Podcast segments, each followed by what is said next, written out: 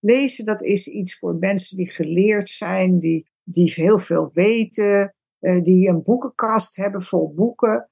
Dat wordt dan toch door sommige van die kinderen ervaren als niet iets voor ons soort mensen. Dat is voor andere mensen. Podcast De Biep is Meer gaat op zoek naar de toekomst van openbare bibliotheken en hoe zij bijdragen aan de maatschappelijke uitdagingen van deze tijd. Met nieuws uit de sector, spraakmakende gasten en verrassende thema's word je meegenomen in de wereld van leesbevordering, digitaal burgerschap en participatie. De Biep is Meer is een initiatief van Matt Gubbels die jou wil informeren en inspireren. Hij gelooft in de kracht van podcasting en het verhaal van de bibliotheek. Welkom bij deze nieuwe aflevering van podcast De Biep is Meer. Vaak hebben we het over de leesproblematiek in Nederland en over het slechte onderwijsstelsel. Maar vandaag spreek ik met Rineke van Dalen. En Rineke van Dalen is een socioloog, net zoals ik, van huis uit. Uh, maar zij heeft een heel ja, positief perspectief op alles wat met lezen en leesbevordering en laaggeletterdheid uh, te maken heeft. Ik ga met haar kennis maken. Rineke, leuk om jou te spreken. Kun je eens wat meer vertellen over ja, wie jij bent. Wat mogen we van jou weten? Ja, nou, ik ben een socioloog. En ik heb eigenlijk mijn leven lang, heb een beetje een ouderwetse loopbaan. Ik heb mijn leven lang aan de universiteit gewerkt, heb een halve baan gehad. Onderwijs, onderzoek, altijd alle twee die dingen. En, maar ik heb eigenlijk mijn hele leven um, dezelfde invalshoek gehad als je kijkt naar methode en manier van kijken. En wat ik belangrijk vind, waarom ik sociologie een interessant vak vind. En dat is heel erg omdat ik eh, ja, het belangrijk vind dat je met een afstand kijkt naar hoe mensen met elkaar omgaan. Ik ben dus heel erg geïnteresseerd in die omgang tussen mensen. En ik ben erg geïnteresseerd in hoe die omgang geworden is, wat die is geworden. Dus ik heb ook een historische invalshoek en ik probeer observaties te plaatsen in een sociale context. En dat heb ik met heel verschillende onderwerpen gedaan.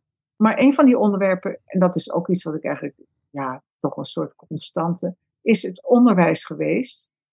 En dan ben ik ook al van heel jongs af aan geïnteresseerd in ongelijkheid in het onderwijs.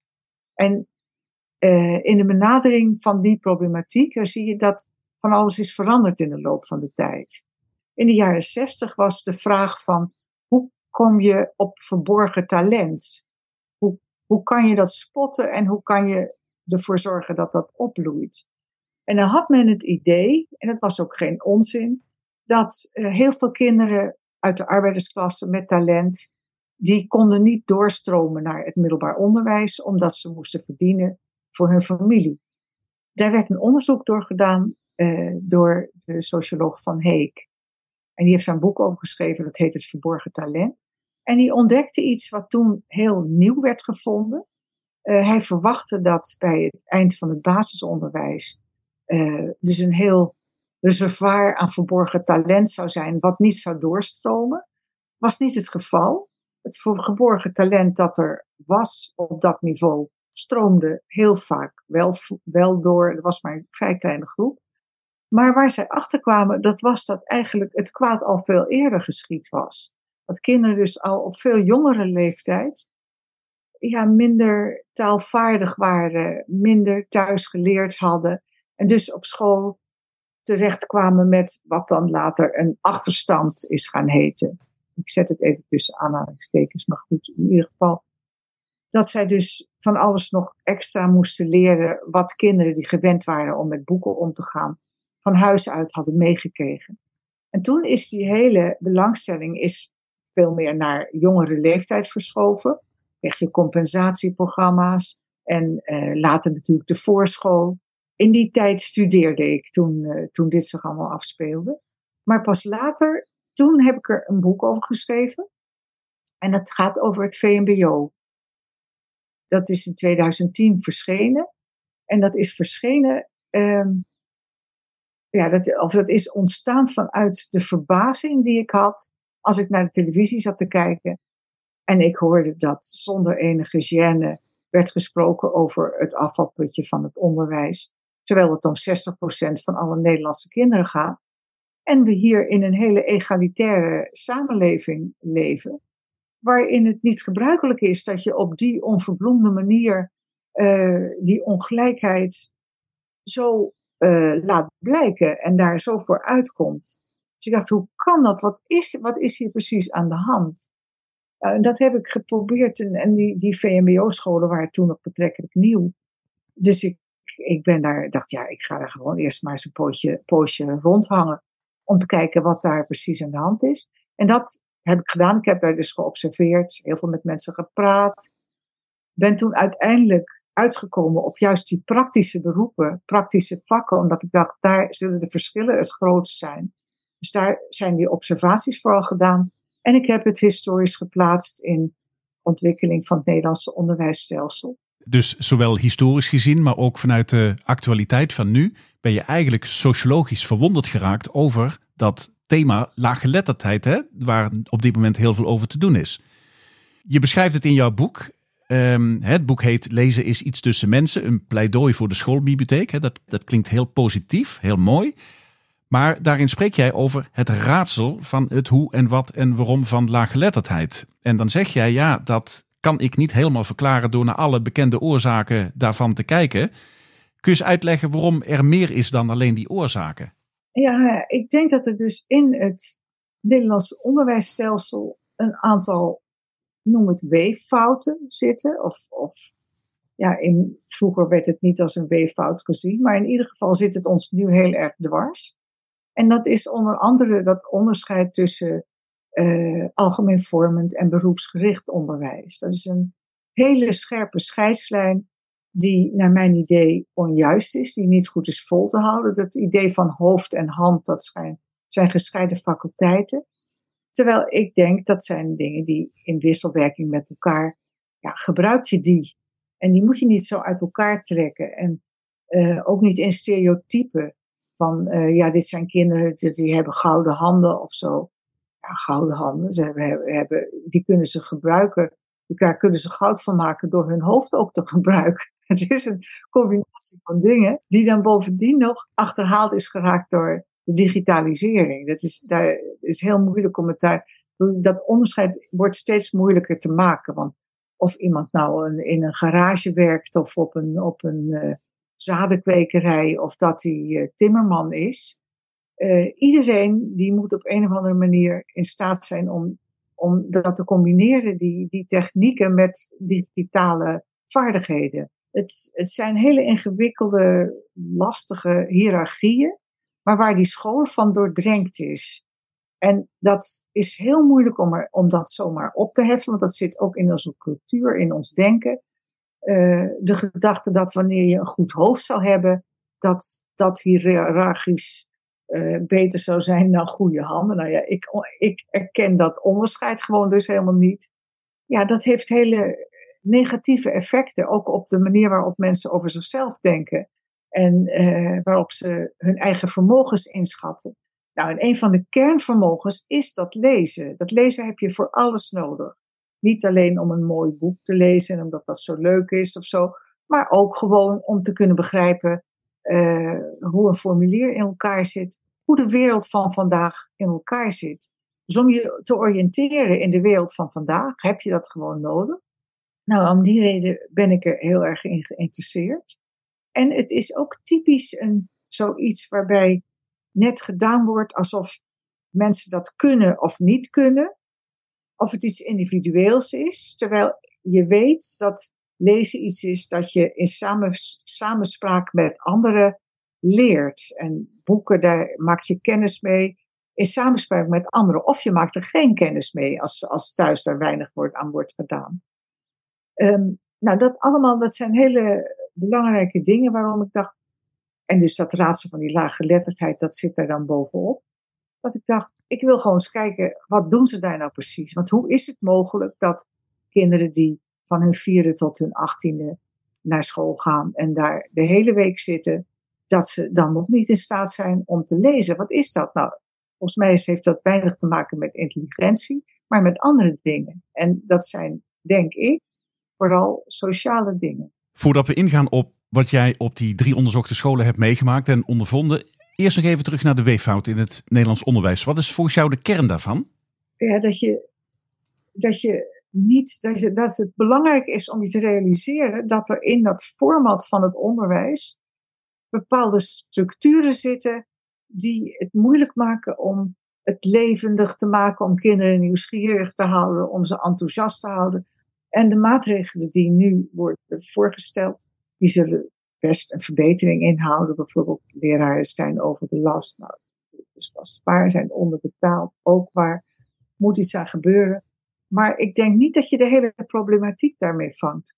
Omdat daarmee te veel structurele dingen in het onderwijs zitten die niet stimulerend zijn voor de ontwikkeling van kinderen. Laten we dan eens kijken naar het hoe, wat en waarom van jouw onderzoek op de drie scholen. Kun je daar iets meer over vertellen? Wat ik gedaan heb, dat is, heeft zich niet gericht echt op laaggeletterdheid.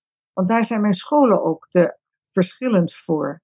Waar ik naar keek was, wat doen deze scholen aan leesonderwijs? Hoe proberen ze die kinderen tot lezen te krijgen?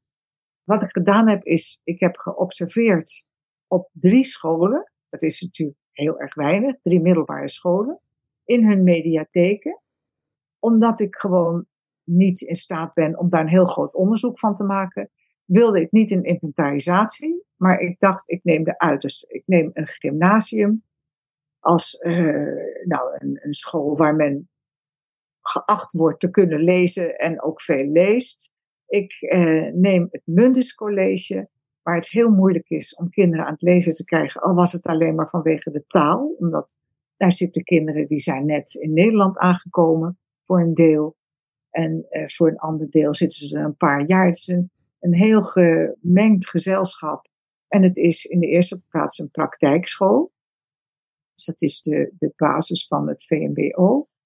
En dan nog een school in het midden die drie typen middelbaar onderwijs heeft. Die heeft VMBO, HAVO en VWO. Ik dacht, als je nou die drie uitersten ziet, dan krijg je in ieder geval een beetje een indruk van uh, de breedte die uh, dat lezen, de, de breedte in gedaante die dat lezen in die verschillende uh, mediatheken krijgt. De vorm die die, die, die mediathekaars het geven. Nou, toen ging je aan de slag op die scholen. Waar ik nou naar benieuwd ben, wat heb je aangetroffen bij die drie scholen die zo ontzettend verschillend zijn? En is het daadwerkelijk zo dat deze scholen verschillen op het gebied van leesonderwijs? Nou, en dat is inderdaad heel erg het geval. Dat heb ik heel erg gezien. Want ze doen volslagen verschillende dingen. Het zijn dus drie mediatheken met hele enthousiaste mensen. Kijk je naar het Mundus College, dan is men daar, daar, heb ik bijvoorbeeld gekeken naar de voorbereiding voor voorleeswedstrijd. Je hebt de jaarlijkse voorleeswedstrijd en daar doen zij aan mee. En um, dan was dit een soort oefening in de mediatheek van een klas. Het is dan eerst dat ze per klas iemand uitkiezen en dan gaan die klassen met elkaar uh, een wedstrijd aan en dan per school. En uiteindelijk gaat de school naar de openbare bibliotheek. Uh, die, die kandidaat die gaat daar voorlezen. Nou, en wat je daar dus zag, dat was dat die kinderen ongelooflijk bang waren om dat te doen. En daar werd heel erg goed op ingespeeld. Dus de, de vrouw die dat deed, die begon met meteen met dat ter discussie te stellen. Dus die, die zei van ja, de vorige keer hebben we het over schaamte gehad. Nou, je, jullie weten van mij, had ze verteld, dat ik uh, altijd heel eng vind om in de lift te gaan. En dat ze zich daar ook voor schaamde. En nou, dat vonden zij allemaal fantastisch, dat soort verhalen. Ze had heel erg vanuit haar eigen verhalen, nam ze die kinderen mee. En die kinderen die gingen dan ook vertellen wat zij er eng aan vinden. En uiteindelijk ging dan één iemand voorlezen en dan gingen die anderen adviezen geven. Nou ja, dat had iets heel, ja, iets heel ontroerends over. Ze hadden ze echt te luisteren en te proberen om, ja, en vooral ook om te zeggen wat er goed ging. Ik vond dat je dit en dat heel goed, goed deed, maar ja, het zou wel leuk zijn als je ietsje meer, iets luider, was soms moeilijk te verstaan. Nou, dus dat, dat, was, dat werkte heel erg goed door dus het, het onderwerp angst en schaamte om te lezen, om dat apart te behandelen en dat ook met ze te bespreken. Ze ging bijvoorbeeld ook allemaal zelf voorbeelden geven van ja, ik, uh, ik moest op een gegeven moment van de duikplank springen. Ik vond het zo verschrikkelijk eng. En, toen, uh, en dan uiteindelijk dan heeft hij het toch gedaan. En dan zeggen die andere kinderen, en hoe voel je je daarna? Dus dan krijg je zo'n heel positief verhaal daarover. Ja, nou ja, dat vond ik dus echt heel bijzonder om te zien. Ja, en ik vind het ook heel bijzonder dat je het woord uh, schaamte, hè, je spreekt in je boek over leesschaamte, dat zoiets bestaat überhaupt in onze samenleving. Ja, en het heeft heel, heel veel mee te maken dat schaamte, uh, of dat lezen iets is wat heel hoog in de hiërarchie staat. Lezen, dat is iets voor mensen die geleerd zijn, die, die heel veel weten, uh, die een boekenkast hebben vol boeken dat wordt dan toch door sommige van die kinderen ervaren als niet iets voor ons soort mensen. Dat is voor andere mensen. En daar voelen ze zich beschaamd. Maar ik, ik heb ook het voorbeeld van, van die jongen die, uh, die van Albert Heijn uh, iets kon brengen bij, uh, bij een, dat is een ex-collega van mij, die vertelde dat. En die komt daar binnen en die zegt, nou, mag ik even bij u binnenkomen? Ik zie dat u een hele boekenkast vol boeken hebt. Zou ik dat even mogen zien? Nou, die, ja, natuurlijk, kom binnen. Ze zei, ja, dat heb ik wel eens gehoord, maar dat heb ik nou nog nooit gezien. God, wat fantastisch dat, uh, ik dat vandaag mag meemaken. Ja, nou, dat is, dat, dat is dus een enorme afstand tot boeken en, uh, en tot de mensen die boeken lezen. Nou ja, dat was dus een, echt een klus om dat te doorbreken bij die kinderen. En ik heb het ook gezien. Ik was dus bij per klas dat uitkiezen van van een kind. Dit was eigenlijk een oefening daarvoor. Maar ik ben ook geweest bij de, de wedstrijd op schoolniveau. En dat was ook, had ook iets, iets ontroerends, ook hoe ze elkaar hielpen en uh, een glaasje water kwamen brengen. En, en iemand die, uh, die had dan gewonnen en dan een ander die sprong dan het uh, toneel op en die riep, nou, ik gun het je van harte of iets dergelijks. Dat is een beetje ouderwets, meer mijn taal, maar in ieder geval in zijn eigen taal. Ja, dat was gewoon heel erg leuk om te zien. Maar dat zou natuurlijk volkomen onzinnig zijn geweest in dat gymnasium van Barlees. Want die kinderen, ja, die lezen gewoon. Dat is gewoon iets wat, wat ze, ja, zoals ze hun haren kammen. Ik bedoel, niks bijzonders. Daar moet je dus weer, wil je daar die kinderen meenemen, op een hele andere manier daarop inspelen. Hoe ging dat op dat gymnasium? Nou, wat ze is bijvoorbeeld, uh, ze hadden altijd allerlei uitstallingen over bepaalde onderwerpen boeken. En uh, dat zag er heel erg leuk uit. Maar op een gegeven moment kwam een jongen en die zei: Ja, ik vind uh, natuurkunde, die vind ik hier uh, een beetje achterhaald wat hier in de boekenkast staat. Ik vind het nogal ouderwets. Oh ja, dus wisten de mediatheekaars ook niet zoveel van. Dus die zeiden: Nou, kom maar met een lijstje, dan kunnen we eens kijken. En nou, dat hebben ze toen uiteindelijk van dat lijstje hebben ze van alles aangeschaft. Er kwam ook weer een mooie uitstalling. Nou ja, die jongen die was natuurlijk in zijn nopjes hiermee. Docenten die kwamen kijken, want die vonden dat ook heel erg leuk. Dus allemaal boeken die daar nog niet in stonden. Nou ja, dat is dan een manier waarop je, weer, waarop je die kinderen dan meekrijgt. En toch ze laat deelnemen aan hoe die bibliotheek eruit ziet. En daar hadden ze bijvoorbeeld ook een, eh, een boekenclubje waar ze begonnen. Daar ben ik één keer bij geweest. Nou, en dan zijn ze ook heel volhardend. Dus dan, het is dan een piepklein boekenclubje. Er zitten drie mensen in. Maar tenminste in het begin. Ik denk dat inmiddels uh, dat er meer zijn. Want ze hadden veel succes. Kinderen vonden het heel erg leuk. Maar de keer dat ik er was, was er één iemand.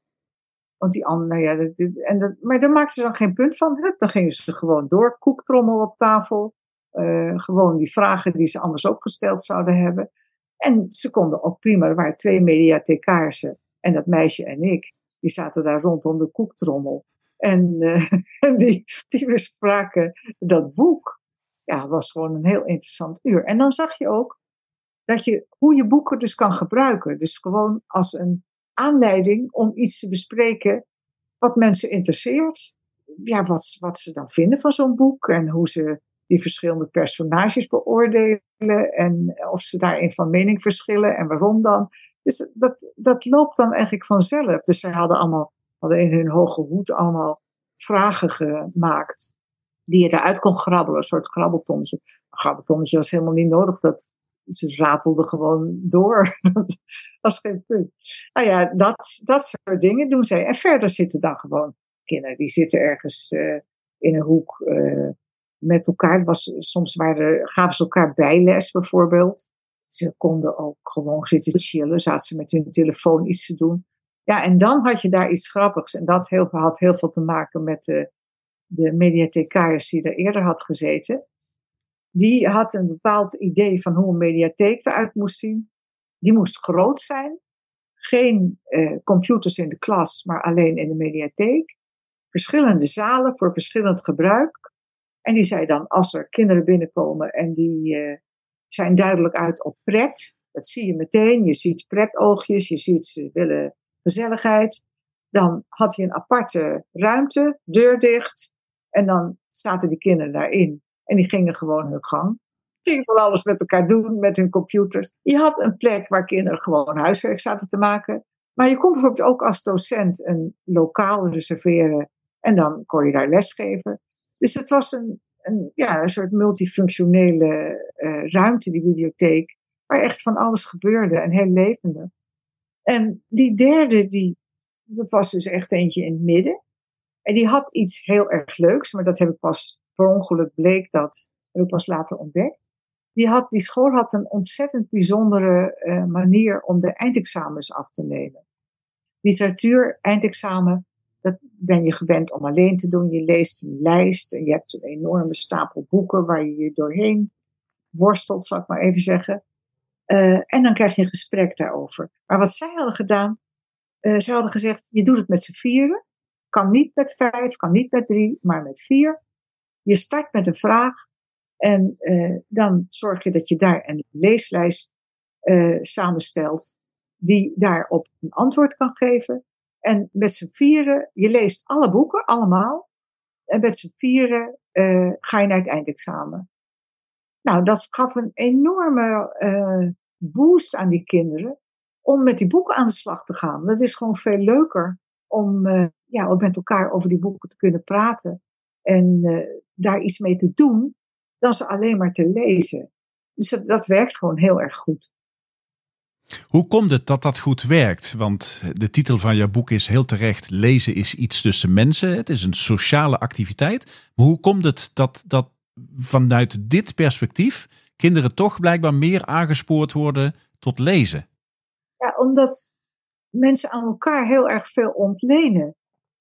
En, en het contact op zich is al heel erg leuk. Kan heel erg leuk zijn. Ik bedoel, kan me ook voorstellen dat allerlei fricties oplevert. Iemand leest de boeken niet. Of ik, maar wanneer dat gewoon loopt en men zich realiseert dat je met z'n allen bezig bent voor dat eindexamen, dan geeft het iets extra's. Het, het kan ook dat je je aan elkaar optrekt. Het kan dat je je tegen elkaar afzet. Je krijgt dus een soort wisselwerking met elkaar over die boeken, die uh, veel interessanter is dan wanneer alles zich in je hoofd afspeelt en je daar niet over van gedachten kan wisselen. Dus het, het wisselen van gedachten is daar heel essentieel voor. Daar ben ik wel erg van overtuigd. Maar het is denk ik wel de school en de leerkracht die dat moet initiëren. Dat gebeurt niet vanzelf. Ze hebben geen keus. Dit is de format. Je moet met z'n vieren doen. Je moet vier mensen uitkiezen met wie je denkt van, nou, dat lijkt me wel wat. Ja, dat zal soms best wel een strubbeling geven, denk ik. Bijvoorbeeld ook welke vraag gaan we kiezen, uh, zulke soort dingen. Ik ben ook geweest bij dat ze op een gegeven moment, ze moesten dan een thema kiezen. Ja, dan begonnen ze met dingen dat ik dacht, oh help. Hoe komen ze van hier tot iets wat, wat te bevatten is? Dus dan ja, we willen iets met uh, criminaliteit zo. Ja, dan kan je natuurlijk nog alle kanten mee. nou ja, zo. Maar, dus dat, dat zal vast moeilijk zijn. Maar ja, op zich zie je dat dat op die manier werkt. Iets anders, ik was ook op een gegeven moment, kwam een meisje een boek terugbrengen. En die was met een vriend. En toen zei ze, ja, ik wil nu dat hij het meteen gaat lezen. Want ik vind het zo'n prachtig boek. Nou, die jongen die leende het meteen weer. En die bracht het ook weer heel snel terug, omdat hij gewoon heel snel had gelezen en, en het ook heel interessant vond. Dus boeken aan elkaar aanraden is ook gewoon iets sociaals waarmee je denk ik op school van alles en nog wat kan doen. Dat is trouwens ook iets, hoe, hoe zorg je ervoor dat kinderen bij het juiste boek terechtkomen? Je staat daar in een bibliotheek, ja, je kent allemaal de overweldigende ervaring. Je denkt, waar, waar moet ik gaan beginnen? Wat zal ik gaan nemen? Nou, daar heb je ook bepaalde, uh, bepaalde middelen, moet je ook dingen voor verzinnen. Dus die, een van die mensen in het Mundus College, die las altijd achterkantjes voor. Dus die pakte een boek en dan las ze achterkantje. En die zei, je zou iemand moeten hebben die de hele dag achterkantjes voorleest. Inmiddels is er, ik weet niet of je daar wel eens van gehoord hebt, maar het lijkt voor jullie ook heel leuk. Uh, Stella Leenders, ken je die? Ja, van naam?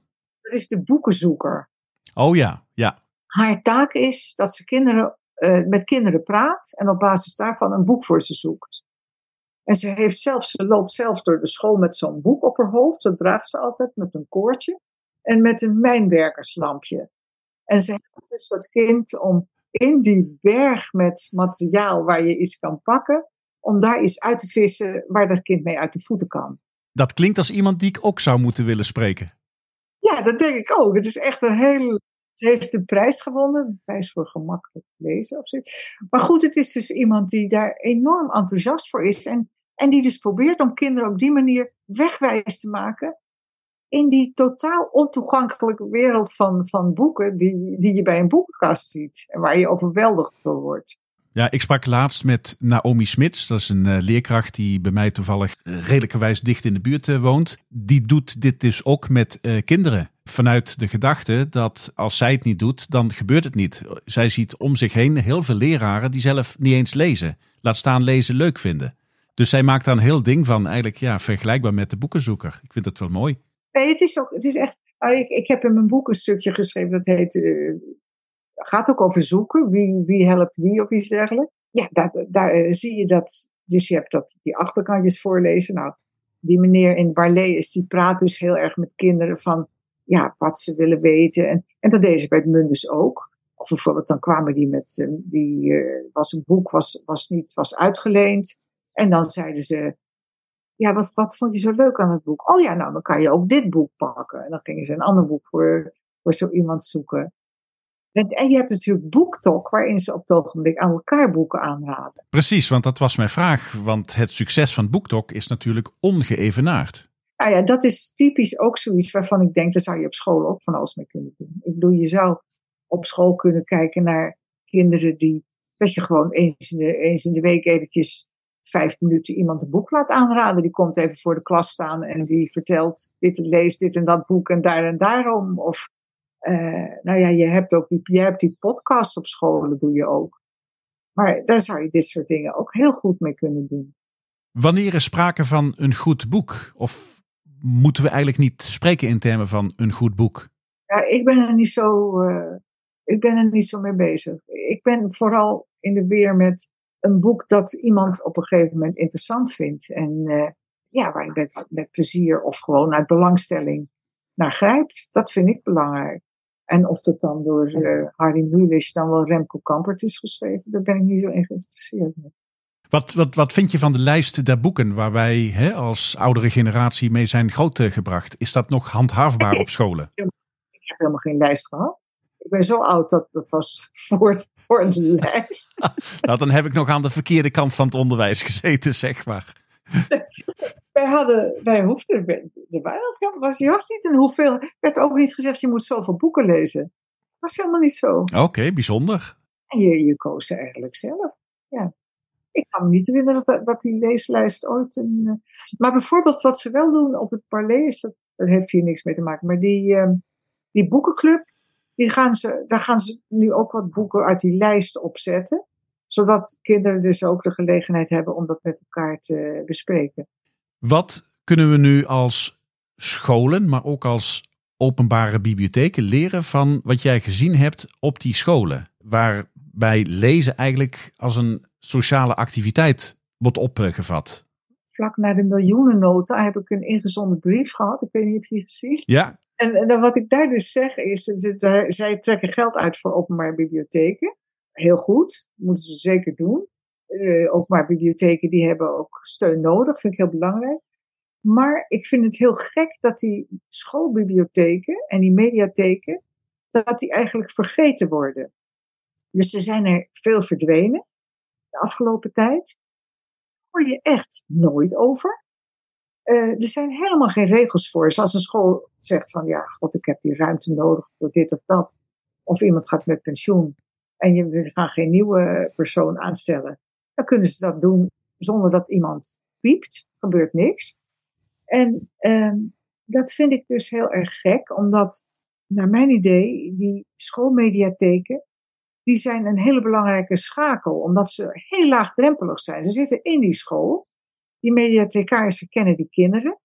Uh, die, kinderen die hoeven er helemaal geen moeite voor te doen. Ze kunnen daar zo naar binnen stappen. Dus ik vind het heel belangrijk dat scholen en openbare bibliotheken dat die samenwerkingsverbanden hebben. Maar ik vind dat de mediatheken moeten blijven bestaan. En dat die ook zodanig moeten worden ingericht dat, uh, ja, dat daar een soort, als leescentra zou ik ze inrichten, inrichten. En ik zou ook die mediathekarissen een hele belangrijke rol daarin willen geven.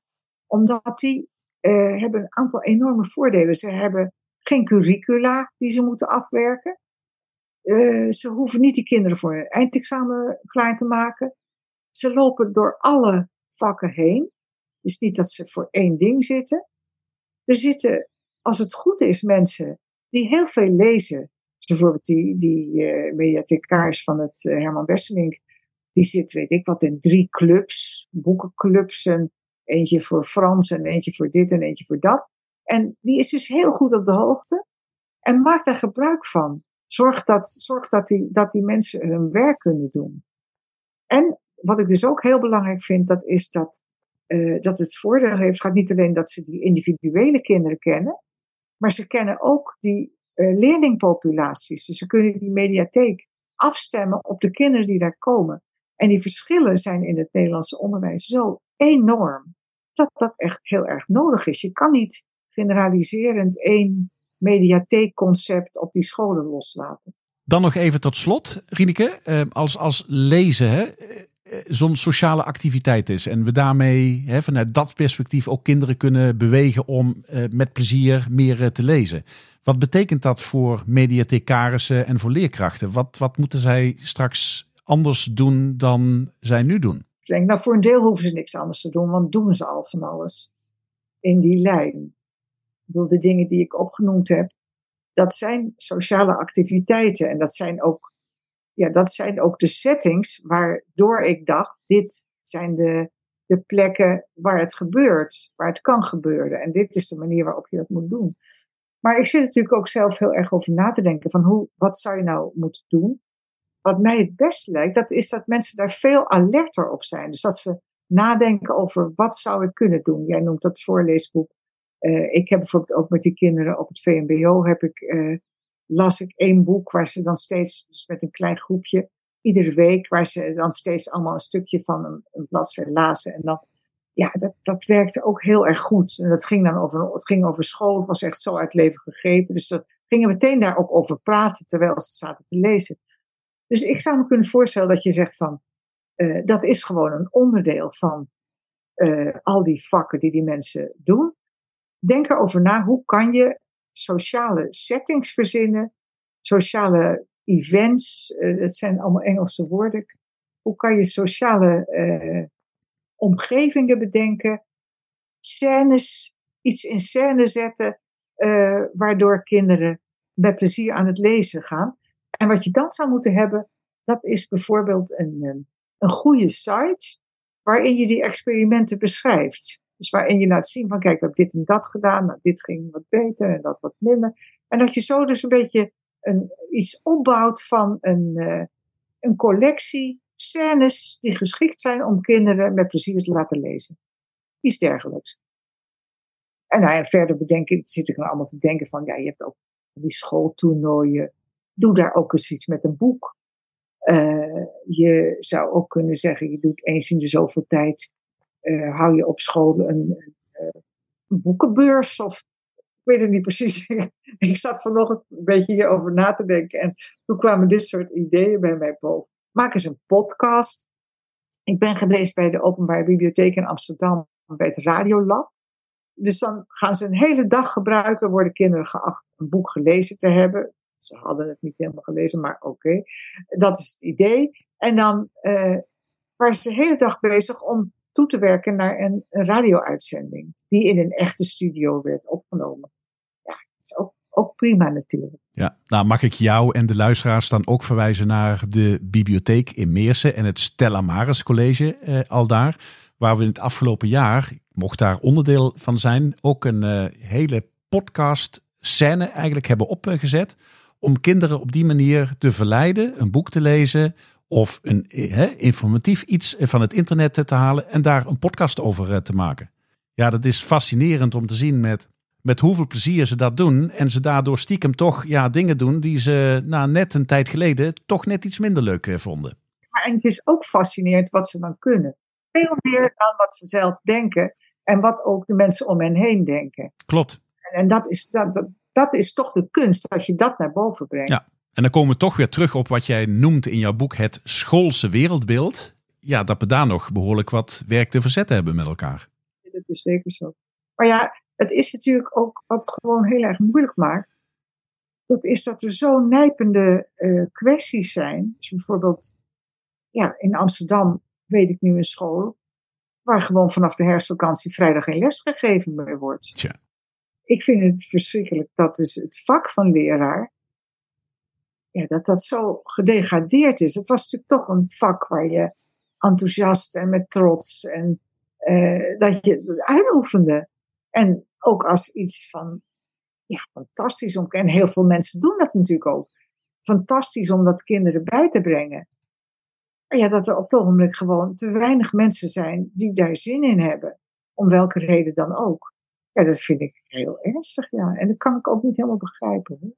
Nou, laten we hopen dat door dit verhaal toekomstige leerkrachten, eh, studenten op de PABO, maar ook bibliothecarissen, ja, geïnspireerd raken om lezen ook eens een keer vanaf een andere kant te benaderen. Door het ja, te benaderen als een uh, ja, samenspel van mensen. En dat je daardoor ook vooruit kunt komen.